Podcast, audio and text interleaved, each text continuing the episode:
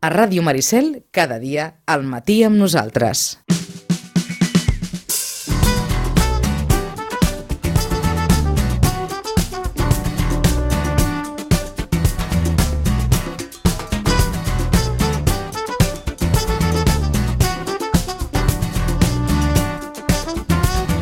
10 i 14 minuts del matí amb el suport de la representació de la Comissió Europea a Barcelona, l'Oficina del Parlament Europeu a Barcelona, el Centre Europe Direct de la Diputació de Barcelona i l'Ajuntament de Sitges i la col·laboració de l'Eurolocal.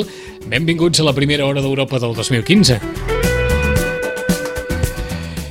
Joaquim Millan, bon dia, bona hora, bon any. Molt bon dia, bon any. Uh, aquesta vegada sí que el programa ve condicionat per allò de s'ha tocat una de les capitals europees, un, uh -huh. un, vaja, un d'aquells centres on la vida passa i on sembla que determinades circumstàncies és difícil que es puguin viure. Bueno, sempre s'ha dit que a Europa hi ha la capital, que és Brussel·les, i el cor, que és a París, París no? no? Eh, I després hi ha el tema econòmic, que ja eh, tardaríem eh, Berlín, Frankfurt, on vulguis, no?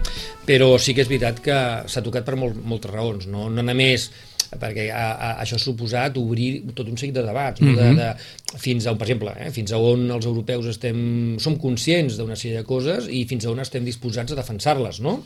Eh, també eh, doncs posar en valor eh, una sèrie de, de circumstàncies que nosaltres ho donàvem per fet i que moment donat ens sobten que es posen en joc, no? I, i llavors, clar, doncs, eh, bueno, la llibertat d'expressió, eh, tot un seguit de... També tots uns fets que també hem de tindre en compte, no? perquè a vegades quan parles en segons qui també diuen, no, tot això també prové d'un relat, un relat, eh? el relat sempre els acaba escrivint aquell que guanya, el relat sempre els acaba escrivint aquell que té el poder, però no és l'únic relat. No? I també s'han fet coses els darrers anys que aporten certes conseqüències. També hem de començar a entendre els europeus eh, que també fem coses en el món que tenen conseqüències, que, que, no, que a vegades no ens agraden aquestes conseqüències, eh? I, i, i no justifica les mm-hmm, conseqüències, eh? Mm-hmm. però, però que, clar, mm, els fets no són neutres. Eh? Mai segurament. Eh? Abans de continuar, un apunt només per a aquells que diguin què és això, què és això? Ara que tothom parla, o que alguns parlen d'una forma molt oberta, de tancar l'espai Schengen, uh mhm. -huh. que és, en poques paraules, Joaquim, l'espai Schengen. L'espai Schengen és un espai dins la Unió Europea que no és, igual que l'euro, no està als 28 estats membres de la Unió Europea estan dins l'espai Schengen, és un espai en el qual, quan, per exemple, molts de nosaltres anem i viatgem per a Europa, i agafem un avió i arribem a un aeroport, veiem que quan arribem, eh, eh veiem que hi ha, mira, la bandera europea, els europeus, espai Schengen, passen per aquí, uh mhm. -huh. i els que no fan cua allà. Mm? quan això ho veus en un aeroport, comences a entendre què és l'espai Schengen. L'espai no. és a dir, hi ha un pacte entre uns quants estats membres, no tots els 28 de la Unió Europea, que tenim un I espai alguns, de lliure circulació de alguns que, I alguns que no són de la Unió Europea, no? Exacte, també. Eh? És a dir, eh, entre estats de la Unió Europea i alguns estats que no són de la Unió Europea. seria Unió Europea uh -huh. i tal. Llavors, esclar, algunes vegades, no és la primera vegada, recordem ara fa dos o tres anys, també amb unes certes polèmiques a Dinamarca, eh, es parlava de, bueno, doncs escolta'm, tancarem les fronteres a l'espai Schengen nosaltres, és a dir, per tant, requerirem tot un seguit de requisits i condicionants que la gent tampoc es pot estranyar perquè fa mm -hmm. uns quants anys se'ls hi demanava mm, ara ens hem acostumat a que bueno, agafes el cotxe, vas a Perpinyà i vas tirant sí, sí. I, I no hi ha... i, bàsicament vas saludant els de la frontera sí, perquè sí. et diuen hola i adeu no? exacte, però ningú t'atura uh, ningú t'atura no? Uh, precisament per, per això com quan algú entra a casa nostra i acabem blindant la casa davant les amenaces doncs dona aquella certa sensació que Europa o alguns estats europeus pensen en com blindar-se de determinades oh, amenaces. I a més a més, esclar, avui tothom aprofita per ficar cullerada, Exacte. com els seus interessos per... Mm -hmm. eh? A l'altre costat del fil telefònic saludem i li agradim molt aquest, aquest espai de, de 12 minuts, perquè tenim fins a dos quarts d'onze per parlar de, mo, de massa coses però sens dubte ens agradarà deixar unes quantes reflexions. Amb Santiago Castellà, el senyor Castellà és especialista en protecció internacional de minories ètniques, nacionals, religioses i lingüístiques. Per tant, diguem-ne que posem el dit a la nafra del que ha succeït aquesta passada setmana a París. Senyor Santiago Castellà, bon dia, bona hora. Hola, molt bon dia. Veu ser París aquest cap de setmana? Sí, sí, sí, vaig pensar que era important ser-hi. El cor em demanava estar present a la, a la manifestació en, de, en defensa de, la, de les llibertats i en defensa també d'una de, concepció oberta de, la, de les societats. Doncs d'entrada li demanaríem una, una reflexió després de, de la seva presència a la manifestació? Pues la veritat és que la manifestació va ser molt emocionant, va ser impressionant. Veies, eh, era una manifestació molt de, de ciutadans de la república, no? amb un ple convenciment de que el, eh, estaven lluitant per temes de valor, per temes molt transcendentals. Molts nens havien fet dibuixos, moltes famílies, hi havia un clima que jo diria que no era de por, sinó un clima d'optimisme, no? de convenciment de que aquesta batalla l'hem de guanyar. Eh, hi havia un, un sentiment compartit, el crit que més s'escoltava era tots són francesos, eh, sobretot corejat per molta gent d'ètnies diverses que vivien a França, i la paraula llibertat. No? Eh, per tant, eh, si finalment eh, tot el que ha passat ha de repercutir en una retallada de les llibertats, segurament molta gent quedarà descontenta. Mm -hmm. Us preguntaríem d'entrada si és que us heu plantejat durant algun d'aquests dies, des del punt de vista professional i personal, per a què ha passat el que ha passat o quines són les causes del per què ha passat el que ha passat. Sí, jo penso que eh, estem davant d'una qüestió que, que no té una causa única, que hi ha diverses causes. No? Jo penso que hi ha una causa geopolítica important d'alguns països eh, que eh, tenen governs eh, teocràtics islàmics han fet una ofensiva molt forta i s'han articulat diferents grups eh, eh, polítics que volen utilitzar l'islam com a element de confrontació amb, amb Europa i amb una part del món occidental, i aquesta és una causa molt important. O sigui, hi ha una lluita política, una tensió política eh, geopolítica on intervenen components del preu del petroli, intervenen components d'hegemonia mundial, intervenen components ideològics, però també, per altra banda, hi ha la percepció de que potser amb les polítiques d'integració de la immigració que va venir de països islàmics no ho hem fet prou bé. I jo estic convençut de que aquest és un element que ens té que obligar a reflexionar. Per què persones de segona, tercera generació d'immigrants, eh, en comptes d'haver-se secularitzat, d'haver-se acceptat els valors de, que havia proposat la civilització occidental, retornen cap a l'integrisme, perquè les dones al Marroc que havien deixat de portar vel tornen a portar vel quan veuen que les immigrades que van de vacances i que tornen al Marroc ho porten, perquè el discurs de retorn a la religió s'està produint en l'islam europeu de manera tan forta. No? I eh, jo crec que no hem fet bé algunes polítiques d'integració, mm. que ens hem equivocat sobretot amb el tractament del fet religiós.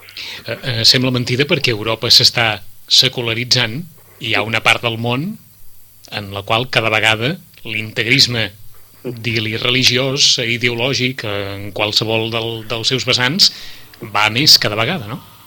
Sí, però també el problema jo penso que és dintre d'Europa, eh? perquè l'islam europeu, que cada cop està més atent al discurs integrista, finalment els que van cometre els atentats eren francesos, i, eh, i eh, els, les 3.000 persones que han anat a lluitar al costat de l'estat islàmic des d'Europa eren europeus i eren fills europeus, uh -huh. a mhm. vegades inclús nets europeus, i per tant, per què aquest discurs de tornar a la seva religió? Inclús ens trobem que molts dels ciutadans que venen de països musulmans eh, en els seus països no eren massa practicants i és aquí a Europa on es tornen molt practicants i busquen l'oratori i la mesquita. No?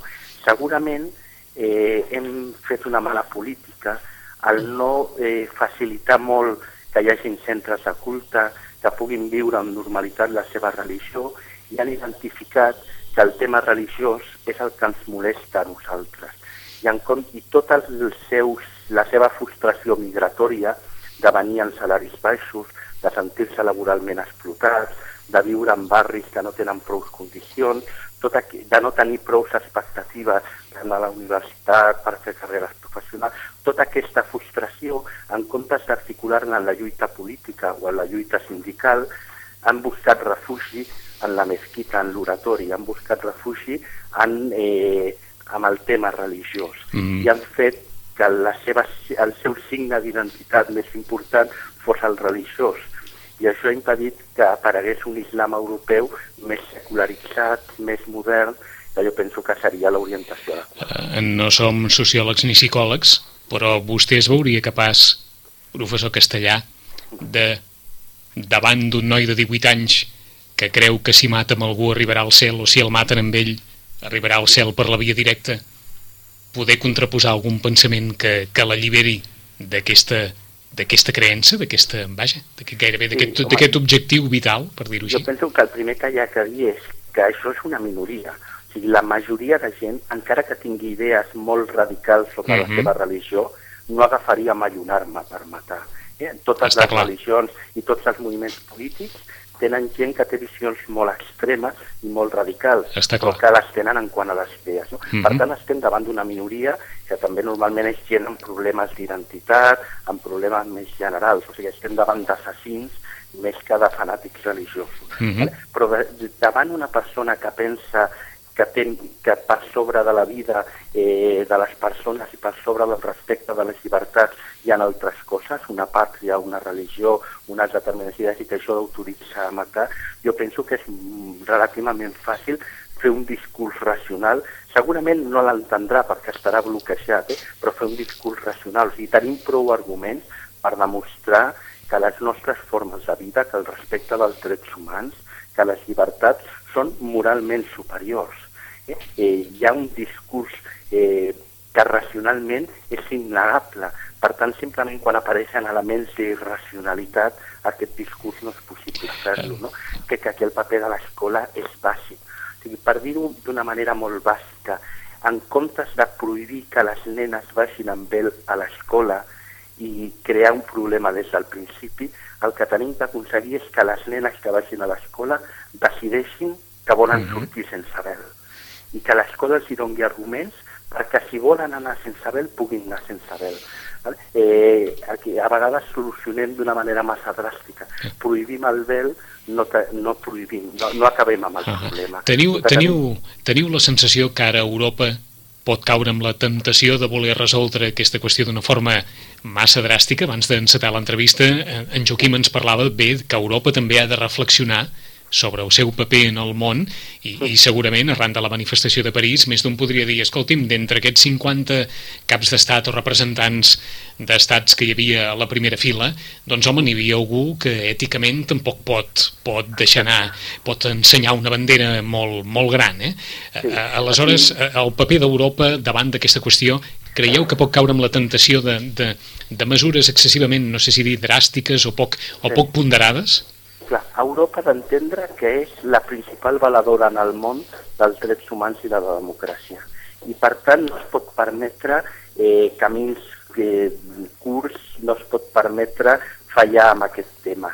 Eh, el món lliure va morir en part a Guantánamo. O sigui, no podem fer barbaritats com la de Guantánamo, no podem defensar els drets humans només dels nostres amics i mirar cap a una altra banda quan són uns altres. No? Però sobretot el gran error que pot cometre Europa, em sembla a mi, és retallar les llibertats en nom de la llibertat. Per exemple, el que parlàveu fa un moment de l'espai Schengen. Sí. No té cap sentit acabar amb el tractat de Schengen i imposar de nou les fronteres. Els terroristes no han, no han vingut a França, estaven a França, no han passat cap frontera precisament el que fa Schengen és reforçar les fronteres exteriors d'Europa. De dintre d'Europa tots som un únic estat, tots som igual de ciutadans i els que vinguin de fora els que han d'ensenyar el passaport.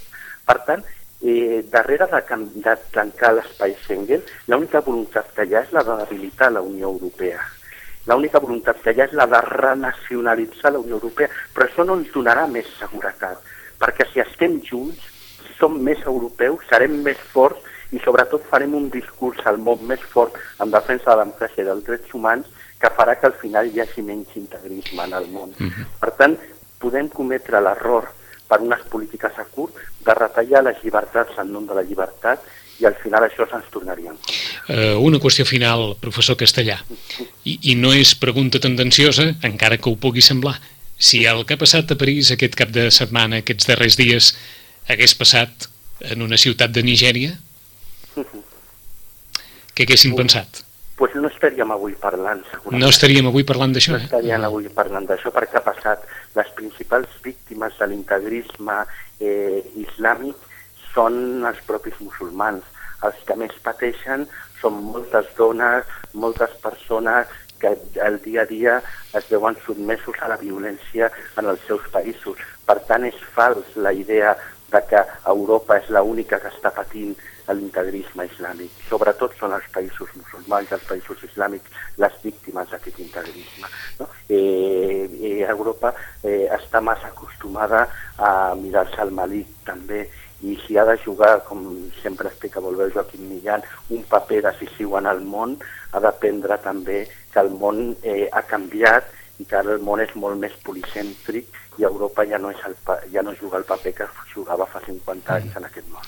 Us saluda Joaquim Millana. Mm, gràcies, Santa, Santiago, per uh, avui estar entre nosaltres, especialment en, en una setmana que ha sigut convulsiva per Europa i que estic totalment d'acord amb tu que, que hem de reflexionar, però bueno, eh, les mesures s'han de prendre amb el, amb el cap fred i no amb el cap calent, que és una mica el que sembla que ara eh, s'està fent pels titulars que, eh, que veiem en els mitjans de comunicació a casa nostra i suposo que també en altres països de estats membres de la Unió Europea. Sí, exacte. No es pot aprofitar que és adaptat per fer polítiques a curt que es volien Correcte. fer igual i que ara eh, pues, serà més fàcil d'explicar-la. Uh -huh. I encara una última. Vingut de París, els francesos es pensaven que això no podria passar mai a casa seva? Jo crec que no, eh? els francesos tenien, tenien por, el desplegament policial és impressionant, cada entrada de metro hi ha policies armats que miren persona per persona, per entrar a qualsevol grans magatzems, a Lafayette, on sigui, hi ha controls policials i, i sí que hi ha un sentiment de vulnerabilitat, sobretot perquè en determinats barris de, de París, en els barris més usos del cinturó industrial de París, on viu molta població immigrada, mm -hmm. eh, hi ha molta gent, que, quasi mil persones, que han retornat de Síria, que han tornat d'estar lluitant eh, amb l'estat islàmic i que són activistes, terroristes en potència que es poden activar en qualsevol moment. No? També eh, cada dir París no és França. Sí. París és una, eh, és una visió diferent, molt més republicana eh, i, eh, i molt més conscient del paper que juguen al món. 10 i 31 minuts. Santiago Castellà, gràcies per estar aquí matí nosaltres. Gràcies, fins la propera. Adéu-siau, bon dia.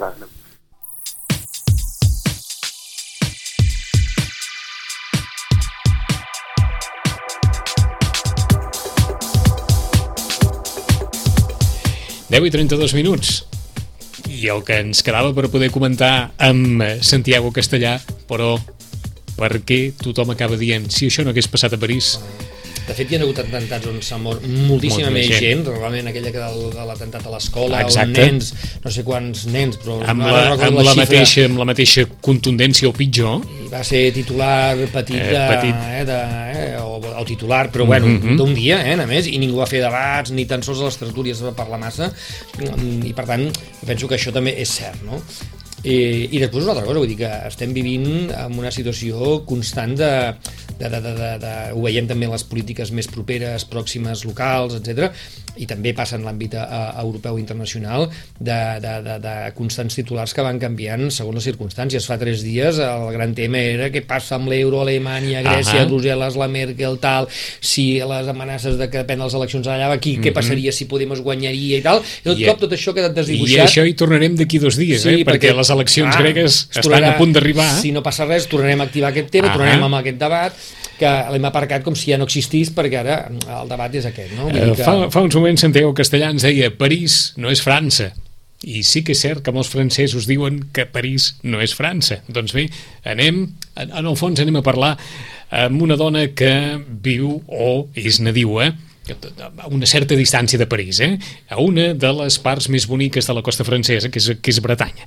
Saludem a Sandrine Gloaguen. Sandrine, bon dia, bona hora. Sí, hola, bon dia, Vicenç. La Sandrine que va néixer a la Bretanya. Exactament, sí. I a la Sandrine li preguntem el mateix que preguntàvem a Santiago Castellà, que és bàsicament la seva sensació avui, després de haver viscut com a, com a testimoni el que ha viscut tota França, tota Europa i tot el món arran dels atentats a París. Doncs el primer de, de tot, el que, poder, el que us puc dir és que la notícia de la matança al diari Charlie Hebdo, tot just ara fa una setmana, eh, em va provocar un xoc, un xoc molt, molt fort, no? un trauma, com a la majoria de ciutadans de França i m'imagino que del món sencer. Eh, S'ha de dir que tot i que tothom apreciava, que no tothom apreciava el diari Charlie Hebdo per la irreverència no? de les paraules d'alguns dels periodistes i mm -hmm. de les caricatures, etc. Però eh, també eren molt envianats no? per la seva llibertat de paraula, cosa que ha estat eh, posada en qüestió no? per aquest, eh, aquest acte de barbàrie que, que va provocar que van provocar aquests dos jihadistes fanàtics, com no sé com se'ls pot dir, no? Eh, Ara, eh, crec que sí, tothom va, eh, va estar molt emocionat eh, parlant amb els amics, els, fam els familiars a França. Eh, tothom estava en, en un estat de xoc, com si hagués si s'hagués tractat d'un atemptat contra familiars seus o, o amics, mm -hmm. perquè és, eh, els, bueno, Charlie Hebdo eh, formava part, o segueix formant part del patrimoni cultural dels francesos. En aquest sentit, mmm, com creieu que França ha viscut això i a una persona que treballa al Consell Català del Moviment Europeu, com creieu que Europa hauria de reaccionar davant d'això? Si creieu que les primeres reaccions que està demostrant Europa van en la línia del que la Sandrine Gloaguen creu que, que hauria d'anar?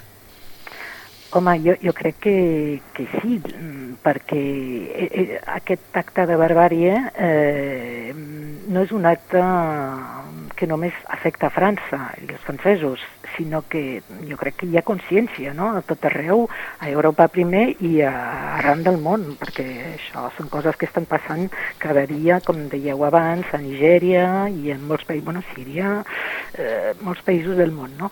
Aleshores, eh, Europa sí que és conscient i com a testimoni d'allò eh, ser la presència no? de tots els caps d'estat eh, europeus que van acudir a la manifestació, a la mobilització que va tenir lloc aquest diumenge a París.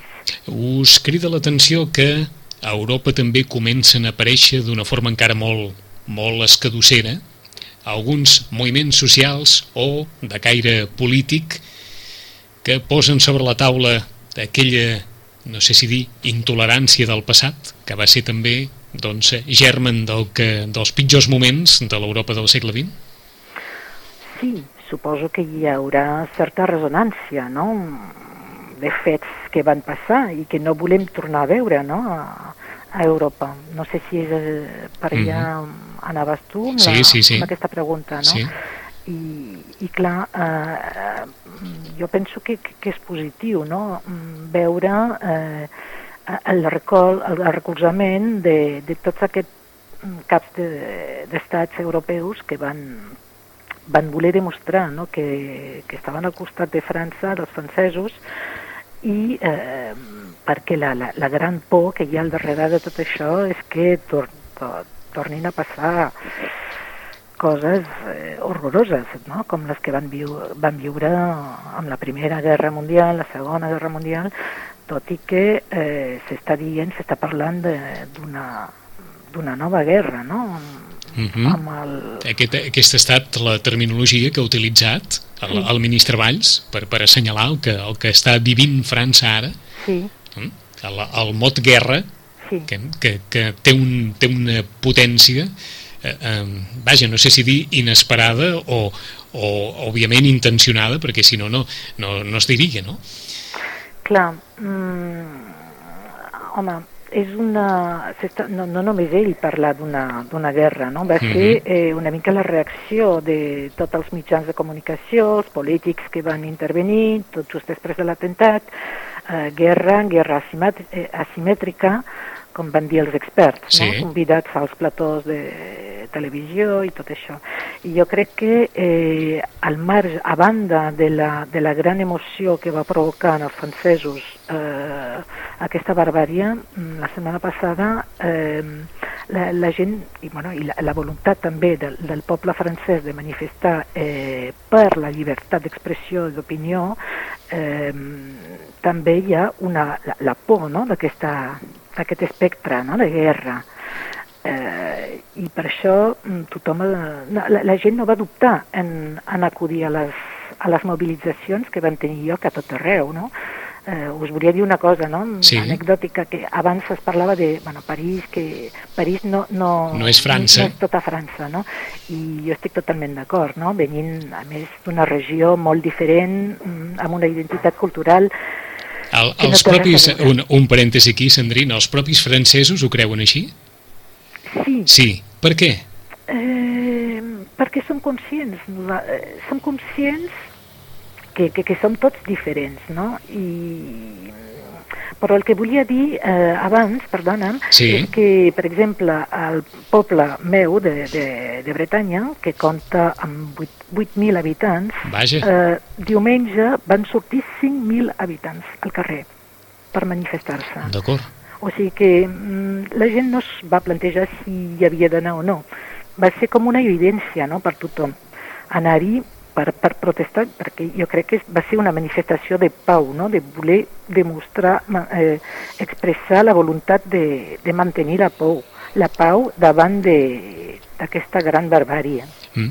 i uh, violència. Um, ho, saluda, ho saluda Joaquim Millan. Mm, hola, què tal? Bon dia, Sandrín.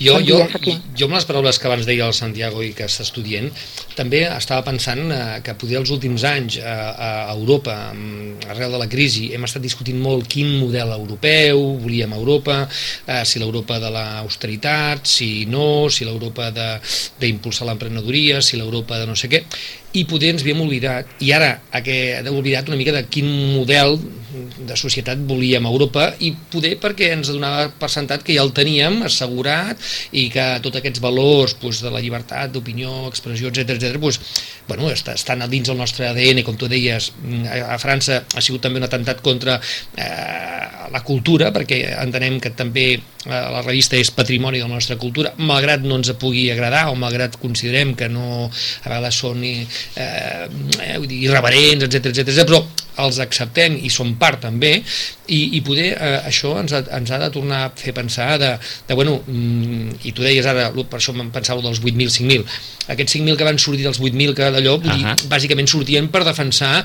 eh, dir, bueno, no sé si dic a favor o en contra, però bueno, el que sí tinc clar és quin model de societat a França, pel qual hem lluitat generacions i generacions, volem i, i, i, i tenim i, i per tant estem disposats també a defensar no?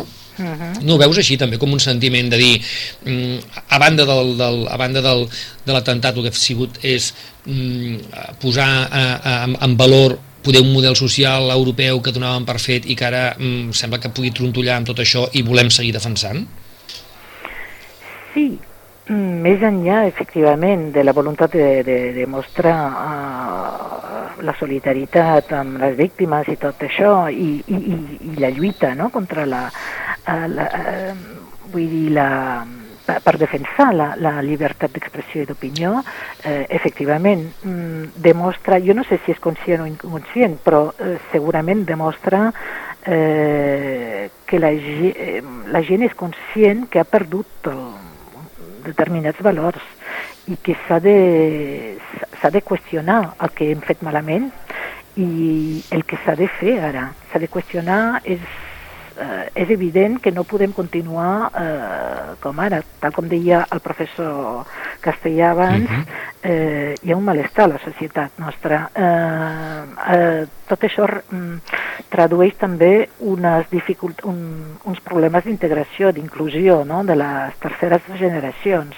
d'aquests immigrants que en un primer moment, quan van arribar uh -huh. eh, mhm. al nostre país, com a molts països europeus, vull dir, eh, mm, venien per ajudar-nos, no? per, després de la, de la Segona Guerra Mundial, a remuntar el país, a aportar la seva, la seva col·laboració com a mà d'obra, però els seus fills i sobretot els seus nets mmm, no senten francesos, mm -hmm. va, tot i que van néixer a França. I, aquesta segurament ha estat la frase d'avui, eh? O la que deia el professor castellà, que són francesos, són. Són francesos, I, i s'hauria dit la tercera, La no tercera. la segona, no, diu, la tercera directament ja parla de la Ahà. tercera generació, que sembla mentida, busca què passa que la tercera generació, no la primera ni tan Ahà. sols la segona, no la tercera, no se sent Sent. mm, integrada plenament o què ha passat eh, durant aquest període de temps que, que passi això ara, no? Ah, aquest, aquest és el... No, no sé si dir, aquesta és una certa ferida de consciència que pot tenir ara, anava a dir, la societat francesa o la societat europea en general, el fet que conviu amb ella tot un munt de persones que no han acabat de sentir-se identificades o integrades amb, amb la cultura dels seus pares o dels seus avis?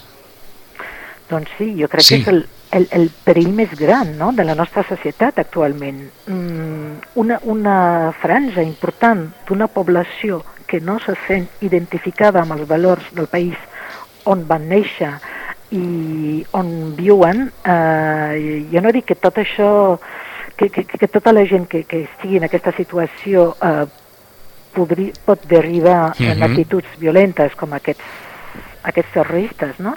Però, però clar, la gent més feble mm, eh, eh, pot ser un perill per la gent més feble eh, perquè, perquè bueno, estan perduts, no tenen cap rumb, no, no saben per on tirar, perquè eh, s'ha de saber que a França, per exemple, eh, continua sent un problema eh, trobar una feina amb un nom quan un es diu Mohamed no? o Fàtima. Ah, O sigui que eh, aquesta és la, la, la gran qüestió, jo crec, d'aquesta arran d'aquests atemptats, no? Mm. S'ha de fer una reflexió profunda i, sobretot, eh, s'ha d'actuar.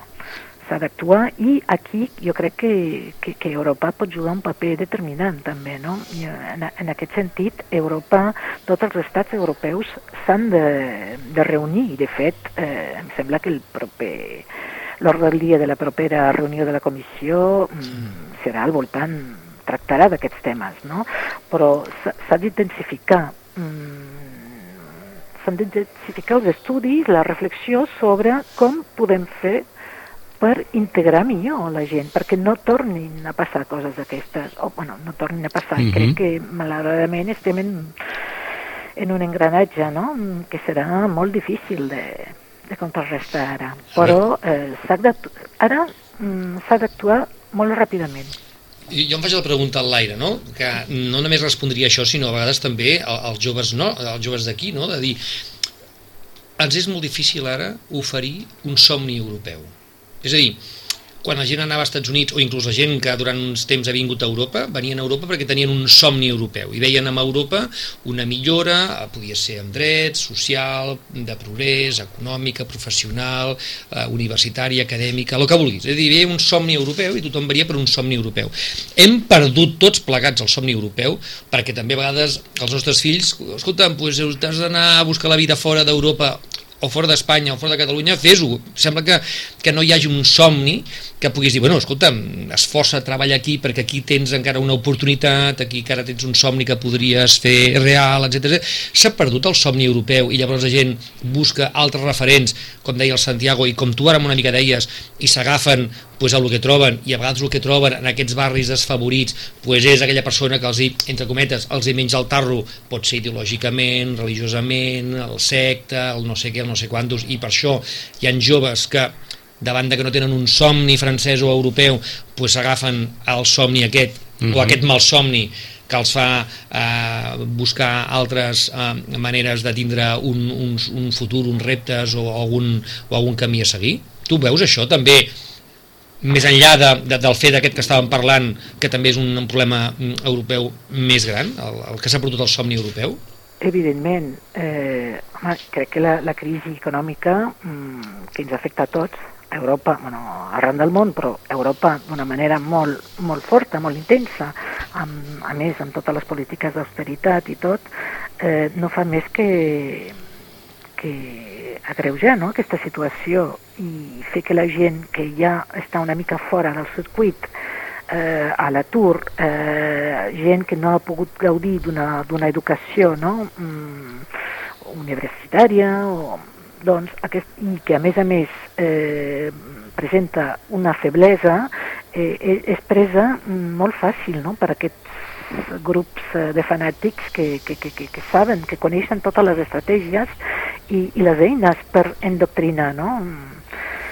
Clar, jo, i, i la conseqüència és que alguns, per sort no tots, eh, perquè els experts francesos, per exemple, eh, consideren que poden haver-hi al voltant de 100 personatges a França eh, perillosos, no? que, capaços de, de, de prendre les armes, uh -huh. com, com aquests, eh, aleshores mm, eh, s'ha de, de buscar la solució també a nivell europeu per, mm, per, per, entendre els, mecani els mecanismes de l'endoctrinament i poder també desendoctrinar aquesta gent, no? I evidentment que s'ha de, de, de treballar sobre com bueno, sobre uh, les causes econòmiques, eh, eh, l'educació, l'educació és bàsica també, no? Per poder donar un projecte de vida a la gent. El, el tema mm -hmm. cultural, econòmic, educació, formació, evident, evident, evident, evident, no?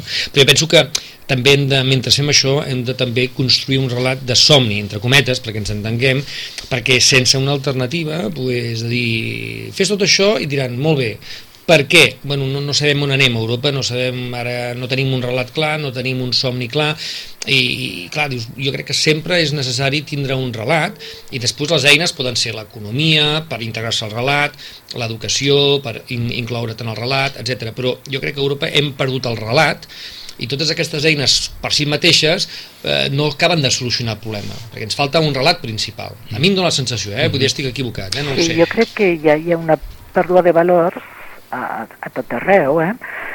I que i bona prova d'això és eh, l'apego no? d'aquestes persones a la seva religió, no? per, perquè, mm -hmm. perquè els hi proporciona també una manera d'existir mm -hmm. i eh, en casos com el fet que van passar la setmana passada eh, la possibilitat de sortir a la premsa, als mitjans de comunicació, a la primera plana, no? Mhm. -huh. Per dir-ho d'alguna manera... Encara que els costi la vida. Uh -huh. Per dir-ho d'alguna manera, la religió no els falla mai, no? Perdona? Per dir-ho d'alguna manera, la religió no els falla mai. Exacte, exacte.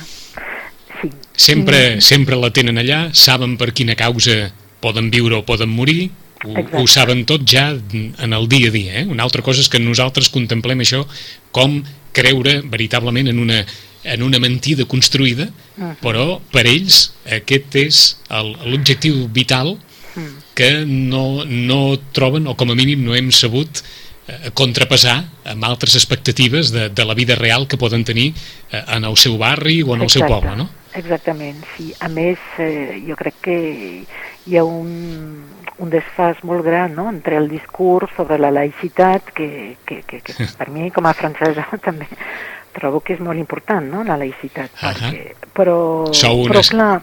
França és un estat literalment laic en, en tota la seva expressió pública, eh? Sí, i, ta, i Està clar.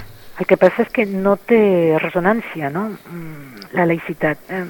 Per què? Ah. Perquè no, segurament no s'ha plantejat de la forma correcta, no?, en el moment de de, de, de, de passar aquest missatge, no? De... No sé si dir una certa mitificació de la laïcitat no ha existit, eh? Perdona? Una certa mitificació de la laïcitat no ha existit, eh? No. No. Uh -huh. I en canvi sí que hi ha una certa mitificació, bé, o una molta mitificació, en alguns casos, uh mm. -huh. de la creença en una, en una ideologia Exacte. Mm, la que sigui, eh, agafada des del punt de vista més pervers, no? Exacte, ah. exacte, malauradament, sí. D'acord, i això és molt difícil de contraposar en les circumstàncies actuals. Teniu, teniu, teniu família encara a la Bretanya? Sí, tant. Sí. sí, sí. Eh, ells com han viscut això, Sandrín? Amb por, amb, amb respecte, veuen una França que no és que, que no, se, no, no recorda la seva França de quan, de quan eren petits? Com, com, com ho viscut? Sí, Sí, sí, amb, amb por primer, clar, com tothom, i després amb molt de respecte, no? I, però, però els bretons no tenen por no? de, de sortir al carrer per manifestar el que pensen, com vam poder veure no? en altres uh -huh. ocasions, i eh, aleshores, eh, després de la por, ve la voluntat d'afirmar-se i, i, i d'oposar-se no? a, aquest, a aquesta covardia no? que van viure. Uh -huh um, és una, una, una qüestió d'aquelles, vaja, anecdòtica si es vol. A, a França tothom canta la marsellesa amb aquesta passió? Eh, no. Eh, No. S'ha de Feia temps que no. Eh, feia te... Ho dic perquè també, és clar, a nosaltres ens crida bastant l'atenció aqu aquesta demostració pública tan, tan oberta i tan ferma del, del, del patriotisme a partir d'un dels himnes més coneguts de, del món, no? És, és, un, és un himne que, clar, està molt criticat, no?, per la seva, per la lletra, no? Vaja. Eh, Hi ha molta gent que reclama un canvi d'aquesta lletra. Jo, personalment, a mi em costa molt de cantar aquesta cançó perquè, Home. precisament, divendres passat eh, va haver-hi una mobilització davant del Consulat de França a Barcelona, Sí, al vespre, n'hi ha hagut diverses, eh? però jo hi vaig anar i va haver-hi un punt en què la gent va començar a cantar, alguns, eh? però Sí. vaig, estava mirant al voltant meu i molta gent no, no, no cantava. Ah. Perquè, perquè com es pot cantar? Doncs, mm, no sé. Jo entenc, entenc que, que, que és una voluntat també de demostrar que, que som tots units, Sí. solidaris, eh, sí, en aquestes circumstàncies potser es pot entendre, no? Per la simbologia, però, però no, eh? això no vol dir que, que la gent estigui d'acord, no? d'acord. O sigui que, que esclar, no, no podem dir pas tothom, però el, el text de la Marsellesa Mm. també és un text, diguem-ne, qüestionat des del Controvertit, punt sí. Controvertit, Con, molt controvertit, molt perquè, controvertit. Sí. perquè és, una, és un clamor a la violència, no? Vaja, Que, que un sang impur Sí, sí. Eh, nodreixi el nostre... Bueno, do, no sé, Mhm. hauríem de traduir, no? sí, sí.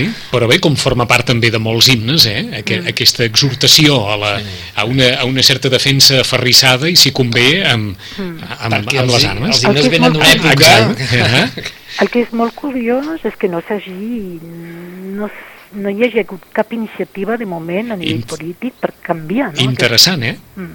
A a veure, eh, qui és el maco que agafa el text de la Marsellesa i s'atreveix a canviar-lo a França? Avis havia el titular de, Ah. que feia no sé quants anys que no es cantava la Exacte. Marsellesa De fet- en seu parlamentària. En, en no? canvi, De fet, eh, sí, Eh, des de dijous, el mateix dijous després de l'atemptat, va començar a, circu a circular per YouTube, jo vaig rebre també Sí. aquest missatge de seguida el dijous al matí, d'un un cantant anònim que va improvisar una cançó davant de la, del seu ordinador i va, va recórrer tota França perquè ja, molta gent la, va sentir aquesta cançó, va ser amb, amb la música de la Marsellès, uh -huh. eh, però amb les lletres completament canviades. Caram, no? Mm. el món ha canviat molt, eh, Sandrine? Ens deia el professor Santiago Castellà i Europa se n'ha d'adonar que el món també ha canviat molt, no? I tant, i tant que ha canviat, eh, jo crec que eh, hi, ha, hi ha un després del dia 7 de gener de 2015, no? Vaja. Mm. I França també se n'ha d'adonar d'això? Clar que sí, que Clar que sí. se n'està donant, evidentment, eh, a, a tots els nivells, no? Vull dir, la solidaritat eh, que hi ha entre els francesos davant, per manifestar la, la, el seu rebuig no? davant Sí. d'aquesta violència, eh, la, la unitat que està demostrant la classe política a França ara, mm, malauradament, mm, és difícil que duri aquesta unitat, Mhm. l'unió la unió nacional, eh, però, però, però sí que... Perdona.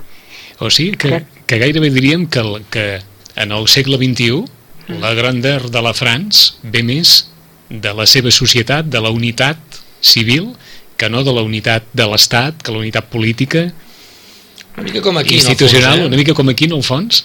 Serà la societat la que farà canviar tot això? Jo estic convençuda. Convençuda? Sí, que, que, que, que uh, els canvis profuns només poden venir, provenir de la, Això és dels ciutadans. I a França en són especialistes en això.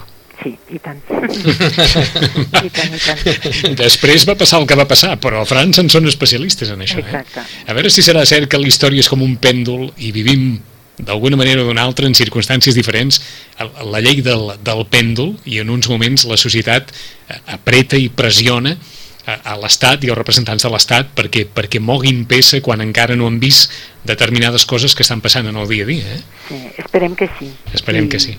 I precisament amb Europa, mm, Europa és una de, de e- e- és una, és una eina que ens proporciona no?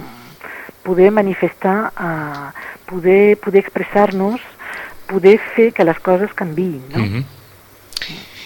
A veure si és així, Sandrina, us agraïm molt aquest testimoni que, que gairebé ha tingut més de, de personal, que, que no en la seva condició de, de treballadora del Consell Català del Moviment Europeu, però avui gairebé ens ha servit més eh, eh, aquest testimoni personal d'una francesa nascuda a la Bretanya i que ha viscut també, com la seva família, com la resta de francesos i la resta d'europeus, el xoc total dels atentats jihadistes al Charlie Hebdo Mm. eh, a París. Sandrine, gràcies per estar aquest matí amb nosaltres. Moltes Gràcies gràcies, Sandrine. Ens veiem aviat. Bon dia. Bon dia. Adéu, bon dia. Adéu-siau. Adéu, adéu. Amb Sandrine hem arribat a les 11 del matí, el testimoni d'aquesta intèrpret i traductora que treballa al Consell Català del Moviment Europeu. Gràcies, Joaquim. A vosaltres, fins la propera. A només hi tornem notícies i en 5 minuts encarem la tercera hora de programa.